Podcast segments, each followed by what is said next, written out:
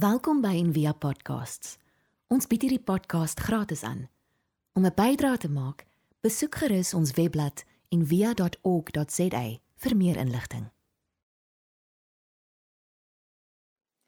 Ons eindig vandag ons reeks oor Nehemia, maar ek wil eers ompaai vat na ander priesters en profete en begin by Jean Gosen wat my dikwels geleer leef het deur haar woorde en hierdie week oorlede is. En sy het by geleentheid gesê almal is te bloody reg in hulle koppe man. Nou of sy bedoel het die wêreld het meer waansin, meer mal mense nodig? Dit weet ek nie, miskien. Maar ek vermoed sy het definitief geïmpliseer dat een van die mensdom se groot dilemma's is dat ons te bloody reg is in ons eie koppe, te vas in ons idees en ideologieë van wat reg en verkeerd is. Party mense sal eerder sterf as om verkeerd te wees en ek sluit myself nie daarbey uit nie. Party van ons sal eerder te gronde gaan as om te verander. Woody Allen het iewers in 'n film iets in diervoege geskryf. It reminds me of that old joke, you know, a guy walks into a psychiatrist's office and says, "Hey doc, my brother's crazy. He thinks he's a chicken." And then the doc says, "Why don't you turn him in?" And then the guy says, "I would, but I need the eggs." Ons gaan laat gaan vir 'n oomblik daai gedagte en dan sal ons dit later weer optel en en vashou. The small woman builds cages for everyone she knows, while the sage, who has to duck her head when the moon is low, keeps dropping keys all night long for the beautiful rowdy prisoners. Woorde van Hafiz. Die meeste van ons spandeer baie ure van die dag om hokke te bou vir mense. Dit doen ons deur mense te laat klein voel sodat ons kleinlikes kan groter voel. Hokbou is om jouself en jou belange te verdedig, om jouself te laat goed lyk, om self die krediet te vat en die skuld op iemand anders te pak. Meestal om die koninkryk van my te bevorder. Sleutels laat val aan die ander kant is om ander op te bou, te laat leef om die spreekwoordelike pasty groter te maak. Dit gaan oor bemagtiging en moontlikhede. En in hierdie lewe kies ons of ons wil hok bou of sleutels laat val. Martin Luther King Jr het gesê the arc of the moral universe is long but it bends towards justice. En dit lyk nie op die oomblik so nie. Maar dit het ook nie vir Salomo so gelyk nie. As ons lees in Prediker 5 skryf hy as jy verdrukking van die arme en berowing van reg en geregtigheid sien in die land, verwonder jou nie oor hierdie saak nie. Want 'n hoër een loer op die hoë en die hoër is weer op hulle. Maar 'n voordeel vir 'n land onder alles is dit: 'n koning wat aan die landbou diensbaar word. Hy wat geld liefhet, kry nie genoeg van geld nie, en wie rykdom liefhet, kry nie genoeg van inkomste nie. Dit is so tydloos dat dit klink of dit in 2020 geskryf is. Wat motiveer mense? Nie mense daar buite nie, nie uh, politici nie, nie Amerikaners nie, mense soos ek en jy. Christene. Wat motiveer ons om onregverdig op te tree of eerder om so op te tree dat geregtigheid nie kan geskied nie, wat eintlik dieselfde ding is? Ten spyte van die feit dat die woord en Christus in geen onsekere taal uitlig dat geregtigheid ons bestemming bepaal. Een van die baie kere wat die Bybel baie direk is daaroor is in Jesaja 1 wat hy skryf: "Leer om goed te doen, soek die reg, beteel die verdrukker, doen reg aan die weeskind, verdedig die saak van die weduwee." En in Micha 6 vers 8: "Wat vra die Here van jou anders as om reg te doen, liefde te betrag en ootmoedig te wandel met jou God?" Act justly, love mercy, walk humbly with your God. Die Ou Testamentikus Walter Bruggeman begin sy boekie Journey to the Common Good met hierdie woorde: The great crisis among us is the crisis of the common good. The sense of community solidarity that binds all in a common destiny. Haves and have-nots. Die hette en die hetties the rich and the poor. We face a crisis about the common good because there are powerful forces at work among us to resist the common good, to violate community, and to deny common destiny. Mature people are people who are committed to the common good that reaches beyond private interest, transcends sectarian commitments, and offers human solidarity. Die profete van Israel het die herinnering aan geregtigheid en bevryding heeltyd lewendig gehou en gewaarsku oor die slaggate as 'n mens dit vergeet. Byvoorbeeld Amos waar hy namens God skryf: Ek hou glad nie van hierdie feeste wat julle vir my hou nie. Ek het hoegenaamd geen plesier daarin wanneer julle bymekaar kom om tot my te bid nie. Spaar my die lawaai wat julle maak as julle vir my sing. Wees eerder regverdig. Laat dit aangerol kom soos branders by die see. Laat eerder alles wat regverdig is deur julle lewe vloei soos 'n rivier wat nooit gaan staan nie. En Jesus ken hierdie selfde realiteit toe hy Israel opnuut uitdaag in Matteus 23 en Jesus het nie baie so gepraat met mense nie. Wie julle skrifgeleerdes en fariseërs, gefeinstes, want julle gee tiendes en die swaarste van die wet laat julle na, die reg en die barmhartigheid en die trou. Blinde leiers Julle wat die muggie uitsif, maar die kameel insluk. Ek love hierdie woorde, maar ek sou dit seker nie geloof het as Jesus dit vir my gesê het nie. En miskien moet ek dit nou ook hoor. Julle wat die muggie uitsif, maar die kameel insluk. Julle is net soos witgepleisterde grafte wat van buite wel fraai lyk, maar van binne vol doodsbene. So lyk julle ook van buite vir die mense regverdig, maar van binne is julle vol gefeinsdheid en ongeregtigheid. En ook hierdie fenomeen is nie vir ons onbekend nie. Dis die rede hoekom wat Dana Snyman noem die kerk vir wenners so vol is. Waar pastore die blessing van die Here moet modelleer deur die nuutste karre te ry en die private jets te vlieg en die mooiste mansions te hê. Waar armoede 'n teken van onguns by God geword het en positive thinking jou uit jou gemors kan kry. Prosperity gospel, ons ken hom maar hy ken nie vir ons nie. Vir die Jode, vir die mense van God, hou die lewe na ballingskap. En nou kom ons amper terug by Nehemia. Ekonomiese swaarheid in omdat hulle nou hulle ritmes van landbouaktiwiteite moet hervestig, hulle sisteme van produksie en aanvraag moet hernie, die groei van 'n produktiewe arbeidsmag moet aanmoedig en praktyke wat lei tot die welstand van die gemeenskap moet beheer. Hoofstuk 5 van Nehemia begin met 'n ramp wat wag om te gebeur. Ek lees vir ons. En daar het 'n groot geroep van die volk en van hulle vroue ontstaan teen hulle broers, die Jode. En sommige het gesê, ons seuns en ons dogters, ons het baie, ons wil koring hê dat ons kan eet en lewe. En ander het gesê, ons lande en ons wingerde en ons huise moet ons verpand sodat ons koring kon koop in die hongersnood. En ander het gesê, ons het op ons lande en ons wingerde geld geleen vir die belasting aan die koning. En nou, ons vlees is soos die vlees van ons broers en ons kinders soos hulle kinders, en tog moet ons nou ons seuns en ons dogters tot slawe verneder. En ons lande en ons wingerde behoort aan ander. En dan sê Nehemia, en ek was baie verontwaardig toe ek hulle geroep en hierdie woorde gehoor het. En ek het by myself beraadslag en met die edeles en die leiers getwis en aan hulle gesê: "Julle leen uit op woeker, elkeen aan sy broer." En ek het 'n groot vergadering teen hulle belê en aan hulle gesê ons het ons Joodse broers wat aan ons heidene verkoop was na ons vermoë losgekoop. En tog verkoop julle julle broers sodat hulle hulle aan ons moet verkoop. En hulle het geswyg en geen antwoord gevind nie. Verder het ek gesê dis nie goed wat julle doen nie. Moet julle nie in die weë van ons God wandel nie. Gee dan vandag nog hulle lande hulle wingerde hulle olyfbome en hulle huise aan hulle terug en die honderdste deel van die geld in die koring, die mos en die olie wat jy aan hulle geleen het. En daarop sê hulle, ons sal dit teruggee en niks van hulle vorder nie. Ons sal net so handel soos u gesê het. Ook ek het my boesem uitgeskit en gesê, mag God so elke man uitskit wat hierdie woord nie bevestig nie, uit sy huis en uit sy besitting en mag hy so uitgeskit en leeg wees. En toe sê die hele vergadering, amen en hulle die Here geprys en die volk het volgens hierdie woord gehandel.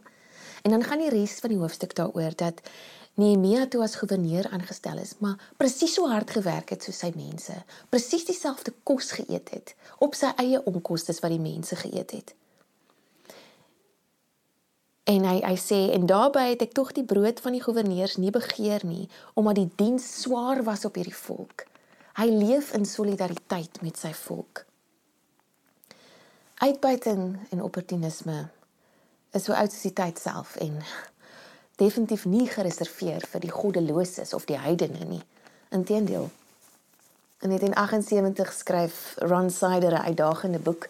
Hy noem dit Rich Christians in an Age of Hunger die subtitel Moving from Affluence to Generosity van van weelde na welstand van uh, oorvloed na vrygewigheid en dis 'n oproep tot aksie. En sy inhoud rig die aandag op miljoene, biljoene hongerbure en hy vra die groot vraag: Hoe moet ons dan leef? Wat ons leer uit Nehemia 5 is hoe breekbaar die ekosisteme van enige samelewing word wanneer dit verniel is deur 'n oorlog 'n plaag, nalatigheid en hebsug. Parallelle bestaan in ons moderne wêreld veral na die Tweede Wêreldoorlog en nou veral nou. Volgens die voorsitter van die Wêreldekonomiese Forum is die COVID-19 pandemie die grootste krisis in die wêreld sedert die Tweede Wêreldoorlog. Judas se ervaring terug in die land by Nehemia was ook nie 'n stappie in die park nie alhoewel dit dalk nie nou met die regte metafoor is nie. Baie moes gedoen word om die balans van die natuur te herstel. Die woorde kies lewe wat die Israeliete so goed geken het uit Deuteronomium was nie gegee aan Israel as 'n slogan vir 'n moraliteitsveldtog nie. Dit was die gebod vir alle aspekte van die lewe en vir alle mense, nie net die bevoordeelde klasse nie. As hulle enige iets uit Deuteronomium gehoor het en onthou het, was dit dit. Dit gaan oor die ekonomie, skrik wakker. Jy kan nie jou God en jou geld skei nie. En in hierdie verband is daar nie ideologies kant gekies nie. Die issue was nie liberaal of konservatief, uh demokraties of republikeins, marxisties of kapitalisties nie. Omdat Israel onder die verbond van God geleef het, omhels hulle die idee van ekonomiese gelykheid wat op die heel minste in Syder se woorde vereis dat God wants every person and family to have equality of economic opportunity, at least to the point of having access to the resources necessary land, money, education so that by working responsibly, they can earn a decent living and participate as dignified member of their community.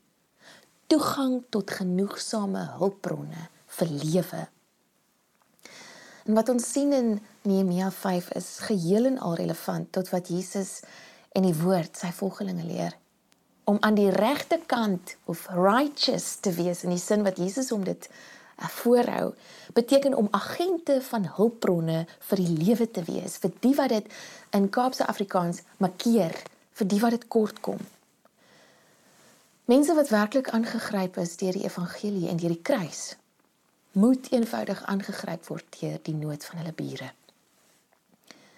Die verslag in Nehemia onthul mense wat die genade van restaurasie en herstel ontvang het uit God se hand, maar nie wederkerig daarmee omgegaan het in hulle genade vir mekaar nie. Catherine Keller skryf sy sê so what is the commonwealth of heaven if not a metaphor that sets our life in divine perspective? Jesus was simply not interested in people's relations to God in abstraction from their relationship to others. He didn't care about their souls in abstraction from their material practices and conditions. He touched souls bodily and bodies soulfully as sites of spiritual healing and material well being. Between divine love and human loves, no zero sum game. By geleentheid verbind Jesus selfs die manier hoe mense mekaar behandel met hoe hulle hom behandel. Want as jy dit aan een van die geringstes gedoen het, het jy dit aan my gedoen. Ekkos van hierdie soort geregtigheid wat Nehemia demonstreer, hoor ons deur die hele Nuwe Testament. Miskien een van die duidelikste in 1 Johannes 3, as hy sê: "Maar wie die goed van die wêreld het en sy broeders sien gebrek ly en sy hart vir hom toesluit, Hoe bly die liefde van God in hom? My kinders, laat ons nie lief hê met woorde of met die tong nie, maar met die daad en in waarheid. En Johannes gee hier leiding aan die kerk oor hoe om nuwe gewoontes van vrygewigheid te kweek in ons daaglikse onder onsies met ons bure. Om jouself 'n Christen te wil noem sonder hierdie dissipline is useless. God roep ons daartoe. Hy hou ons verantwoordbaar daaraan. Maar geregtigheid eindig nie daar nie. Liefde eindig nie daar nie. Sue Monk Kidd skryf hierdie mooi woorde. Sy sê whatever it is that keeps widening your heart, that's not only the power inside you, but the love. And when you get down to it, that's the only grand purpose grand enough for a human life, not just to love, but to persist in love. Let op dat Nehemia nie 'n kollekte vir die armes insamel nie. Hy vra nie mense om tweedehandse klere of blikkies kos vir die kerk se spens te bring nie. Hy belê vergaderings om die stelsel van verdrukking te verander, dit aan te spreek, nie om 'n band uit te plak op die simptome nie. Is hy 'n kommunis? Is hy deel van die Teeparty of die Verenigde Nasies? Nee, hy's net 'n gewone man, 'n 'n common ou wat omgee oor die common good. Hy's 'n leier wat weet dat die Here van die hemel en die aarde sê dat ons ons naaste so lief moet hê soos onsself. Dat ons nie mag voordeel trek uit hulle armoede vir eie gewin nie. Nehemia se politiek is een van Bybelse justisie van geregtigheid. En sy leierskap is een vir die gemeenskaplike welstand. Hy is 'n leier wat begeer dat die sisteme God se intensies eer, soos in die hemel so ook op die aarde en vir die gemeenskap om goedheid te weerkaats na die glorie van God. Nie soos 'n laser beam soos wat ons dikwels ons kinders en net ons kinders liefhet nie. Met so met so straal wat net vorentoe wys. Nee, God het lief soos 'n groot helder son waarvan die strale nie kies wie dit warm maak of nie. Dis hoe God liefhet. Want nou offense. Maar diegene wat verdruk word, soek nie jou medelee nie. Hulle soek geregtigheid. 'n verskywing in die strukture van mag wat hulle moontlikhede blok, wat hulle afsny van die lewe. Natuurlik, soos Catherine Keller sê, love makes justice matter for me. It adds desire to duty and both are changed. Maar agape, goddelike liefde, strek die passie van liefde in die werk van geregtigheid in. Desire into duty and back to desire. En dis hoekom dit reg rekmerke los.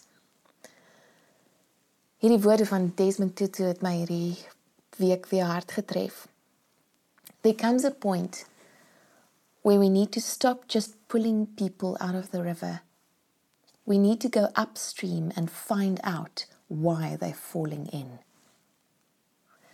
Liefde is om mense uit die rivier te trek. Uitgestrekte liefde wat aanhou is om stroom op te gaan en uit te vind hoekom hulle ingeval het. En as dit is omdat hulle in hokke gegooi is waar uit hulle nie kan kom nie. En een van die hokke dalk 'n slot het met jou naam op, met my naam op. Dan sal daai liefde rekmerke los. Maar ons word geroep om te rek. Ook en veral ons idee van reg in ons koppe. Mag ons nie so bloody reg wees in ons koppe soos Jean Gosen sê dat ons langer uitstel om hierdie opdrag van geregtigheid uit te voer nie. Ons wêreld, ons huise, ons buurte het dit dringend nodig. Hierdie week sê een man weerloos met 'n knie op sy nek: "Asseblief, ek kry nie asem nie. I cannot breathe." En sterf. 'n Ander selfvoldaan, eie geregtig soos ek ook seker maar soms staan voor 'n kerk aan poseer vir fotos en hou 'n Bybel in die lig met die woorde it's a bible. This is a bible. As Jesus die volgende twee sinne die afgelope week moes hoor uit die monde van die mense wie dit gesê het op die plekke waar hulle het waarheen dink jy sou hy gegaan het? Waar sou ons hom gekry het? Op straat of voor die kerk. Ek eindig vir ons met 'n Aztec poem, 'n gedig. You could say that If you are walking down the roads of life these days and looking for a piece of God or for some spirit by which to guide your life, you should be looking down. For if God is going to be found these days, it's going to be in small things. It's going to be close to the ground. It may even be below the ground. Looking for God these days requires the willingness to investigate the small, to descend, to look down, to look down, to look down. Ons hoop van harte jy het hierdie podcast geniet of raadsaam gevind. Besoek gerus en via.ok.za vir meer inligting.